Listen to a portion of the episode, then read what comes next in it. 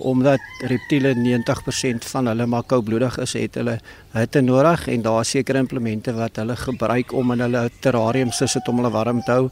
Hulle het byvoorbeeld verwarmde maatjies wat onderin gaan en dan is daar ook basking ligte of ligte wat hitte afgee en dit hou hulle bloed dun en ons weet almal 'n reptiel is maar 'n koubloedige dier so hy het dit nodig om te funksioneer.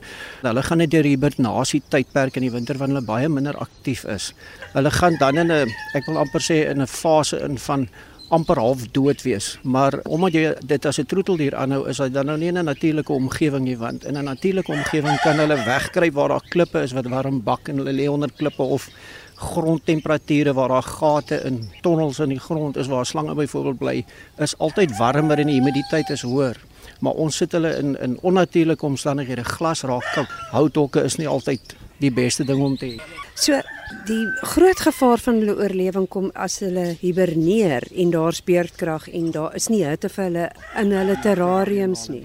Ja, dis 'n baie baie eienaardige situasie want in die onnatuurlike omgewing waarin ons hulle aanhou, normaalweg moet ons dan kragvoorsiening hê om vir hulle daai implemente te kan gee om hulle hulle hitte temperatuur te hou. Dit is baie belangrik en ongelukkig weet ons beerdkrag is een van daai goede wat nou kort kort sy kop uitsteek.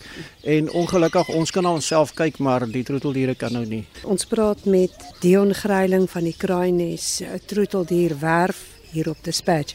Het jy gehoor van gevalle van reptiele wat dood gegaan het en wat is jou raad dan? Wat kan die reptiel eienaars as mense hulle so kan noem, wat kan hulle dan doen Dion? Ja, daar is nogal verskeie gevalle waar dit ongelukkig gebeur het, veral onder die geitjies. Dis nogal 'n baie sensitiewe ou diertjie en hulle is oorspronklik nagdiertjies. Hulle bou ook hulle vetreserwes op en dit kan jy in die stertjies sien. Die stertjie raak geweldig dik en dan gebruik hulle daai vet word geabsorbeer in die tydperk wanneer hulle hiberneer of slaap. Maar hulle het geweldige lekker skuilplekke nodig waar hulle dit nou nie kan hê in die hok nie. Jy kan dit namaak so ver as wat jy wil. Maar die beste ding om te doen is ons ek sê maar vir almal en ek gee die raad, warmwatersak is maar punt nommer 1 as jy 'n gasstofietjie het of jy het 'n ietsie wat die water kan warm maak, sit 'n warmwatersak en draai hom net geweldig goed toe dat hy nou nie die diertjie brand of wat ook al nie sit hom maar naby. Uh, die ou baarddraakies wat uit Australië uitkom is nogal baie gewilde akedus tipe van 'n troeteldier in die reptielkant en jy kan hom optel en sit hom in jou trui en hou hom teen jou liggaamstemperatuur gaan vir hom darm so 'n bietjie 'n deurtrek gee. Maar ja, daar is baie mense wat al diere verloor het as gevolg van dit. Dan kom ons nou by die die visse wat in akwariums aangehou word.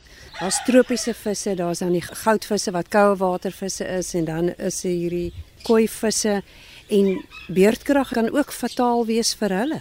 Beerdkrag is in hierdie geval baie ernstig. Ons moet onthou 'n akwarium is 'n geslote ekosisteem. Daar moet die hele tyd water wees wat vloei. Ehm um, Nane wat kraai. Nane wat kraai. So ons moet onthou visse asem soos ons met suurstof deeltjies wat in die water is. Water homself en waterstof is 'n vaste binding.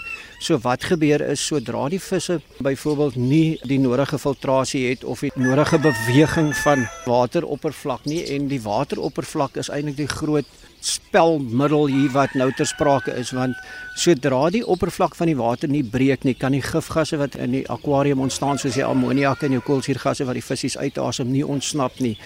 So dan breek ons die water in normale omstandighede deur lugborrel. Hulle noem dit sommer maar klein uh, airstoontjie wat in die water sit en dit breek dan die oppervlak sodat die gasse kan ontsnap en nuwe suurstof deeltjies in die water kan aankom. Maar sodra daar nie krag is nie, is dit 'n groot groot groot probleem. Daar is tekens wat jy na kan kyk om byvoorbeeld te sien wanneer die visse regtig swaar kry. Hulle sal by die oppervlak van die water hang. As dit 'n goed beplante akwarium is, dan sal hulle tussen die plante gaan staan want jou plante gee of heel was as dit goed belig is, gaan jou plante op daai stadium suurstof afgee en die visse weet dit. Ekskuus, ek het net 'n bietjie wegkom van hierdie hoenderrane. Hulle waarsku ons daar is seker beerdkrag op pad. Die filtreringsstelsels is iets wat ook help om die suurstofinhoud van die water en die gehalte van die water goed te hou. En ons moet onthou koi visse is baie groter as normaalweg so hulle hulle het 'n vinniger metabolisme hulle al meer asem. En dit kan nog 'n groot probleem wees wanneer ons beerdkrag het. Soos ek sê daai ouens haal verskriklik baie vinnig asem. Hulle is nogal redelik aktief omdat hulle groot is. En dan sit jy met 'n groot probleem. Nou kom ons sê almal is nou bewus daarvan my reptiel al is dit die winter en hy hiberneer, ek moet voorkom dat hy nie verkleim nie. Dion, jy het nou al gesê wat om daar te doen. Maar goed, nou het ek die visse of dit nou koue water, tropies of seevisse is, wat is die beste om te doen om seker te maak jou visse oorleef die beurtkrag? Kom ons gaan eers gou na die temperature toe vir al die tropiese visse. As jy weet dat beurtkrag op pad is, probeer die vertrek waarin die akwarium staan ook te verhit. Want dit help 'n bietjie. Maak die deur toe, maak seker daar is nie koue trekke of lug deurtrek nie want dit verkoel in elk geval baie gou-gou ook. En dan moet ons kyk na die gewone ou koue watervisse of na jou ander visse. Wat kan ons doen om dit te kan verhoed? Daar's 'n paar praktiese wenke wat 'n ou kan gee en dit is nogal baie eenvoudig soos ek al voorheen verduidelik het. Dit gaan oor die breek van die oppervlak van die water om die gasse te ruil. Nou kan jy byvoorbeeld 'n spaan vat, 'n houtspaan of 'n houtlepel, maak dit tog net asseblief skoon, moenie sommer enige lepel of 'n ding daarin en klits 'n bietjie die oppervlak van die water. Want al wat jy wil hê is dat daar meer suurstof molekules in die water inkom en dat jou gifgasse ontsnap. En as daai reiling plaasvind, het jy al klare wenresep. As jy dan 'n waaiertjie byvoorbeeld het wat met batterye werk, jy kan hom ook naby die akwarium sit sodat die lug net 'n bietjie die oppervlak van die water roer sodat daai gifgasse ook kan ontsnap. Want dit is maar basies wat gebeur. Die visse kry swaar omdat daar nie genoeg suurstof in die water is. En ons wil graag die reiling van suurstof hê deur middel van die breek van die oppervlak van die water. Filtrasie is ook 'n baie interessante ding. Sodra die krag afgaan, daar's baie meganiese filtrasie ehm um, apparate wat hulle gebruik. Wat normaalweg gebeur is hierdie goede hang buite die akwarium of ons in 'n aparte kas by die akwarium. En sodra hierdie pompie ophou, dan suig hy alles wat nou daarin is in en die goede wat vassit aan die materiale wat binne-in is byvoorbeeld ag daar's verskillende tipe materiale wat jy kan insit, maar um, dan sit jou vuil stowwe daarin af want dis waar jou bakterieë basies bly om hierdie stowwe te gebruik as voedingsstowwe. Maar die afvalstowwe gaan dan lê en sodra die krag weer aanskop, dan suig dit terug of dit blaas terug uit die filtreerstelsel uit binne in die akwarium en so dit sal nogal wys wees om dit te ontkoppel en 'n goeie spoeling te gee as jy weet die krag kom weer aan. En ehm um, omdat dit vir die akwarium andersins ook te kan doen is jy kan voorafbereide water verwarm. En as ek sê voorafbereide water, is dit nou nie kraanwater uit in die kraan gaan tap en hom dadelik daarin sit nie. Daar is sekere water moet 'n tydperk staan, water moet die regte bakterieë in hê en dan kan jy dit 'n bietjie verhit tot 'n sekere temperatuur. Moet nou nie kookwater in gaan gooi nie want 'n visie is 'n eienaardige ding. Hy swem in daai stroom en dan hy brand vir hom mors dood want daai kiewe is onmiddellik verbrand. So laat dit 'n bietjie afkoel en doen dit so geleidelik. Probeer dan 'n waterreiling doen as jy kan.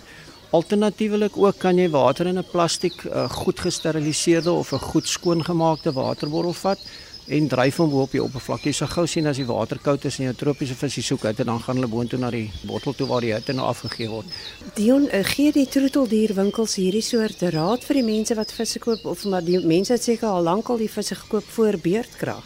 My filosofie is maar oor die algemeen al koop jy net 'n visie, al koop jy net 'n slangetjie, al koop jy wat ook al gaan jy nie uitsonder jy nie nodige raad het nie. En sonder jy nie die nodige kennis het nie, dan moet jy eintlik nie daai troeteldier aanhou nie. En ek voel enige ouer wat vir sy kind 'n troeteldier koop as net om hom gelukkig te maak, moet twee keer gaan dink want dis 'n lewende wese daai. 'n Mens moet die kinders ook baie goed oplei van kleins af want ons moet onthou dis 'n ding wat in 'n gevangenskap hokkie sit. En die verantwoordelikheid lê by ons. As jy dink jy kan hom aanhou, wie wil hom graag aanhou, doen asseblief goed navorsing. Gaan doen navorsing. Die internet is ook daar, dit help ook baie. Maar moenie net 'n troeteldier gaan koop omdat jy dit graag wil hê nie. Dit is die verkeerdste ding onder die son. Dit moet deel van jou menswees wees en jy moet 'n passie hê daarvoor. Dan dink ek is ons op die regte pad. En deurbeerdkrag. En deurbeerdkrag want as jy passievol genoeg is, is beerdkrag nie eintlik 'n struikelblok nie. Dis maar net een van daai dinge wat jy vooraf moet beplan en om dit werk en dan weet jy dit gaan werk.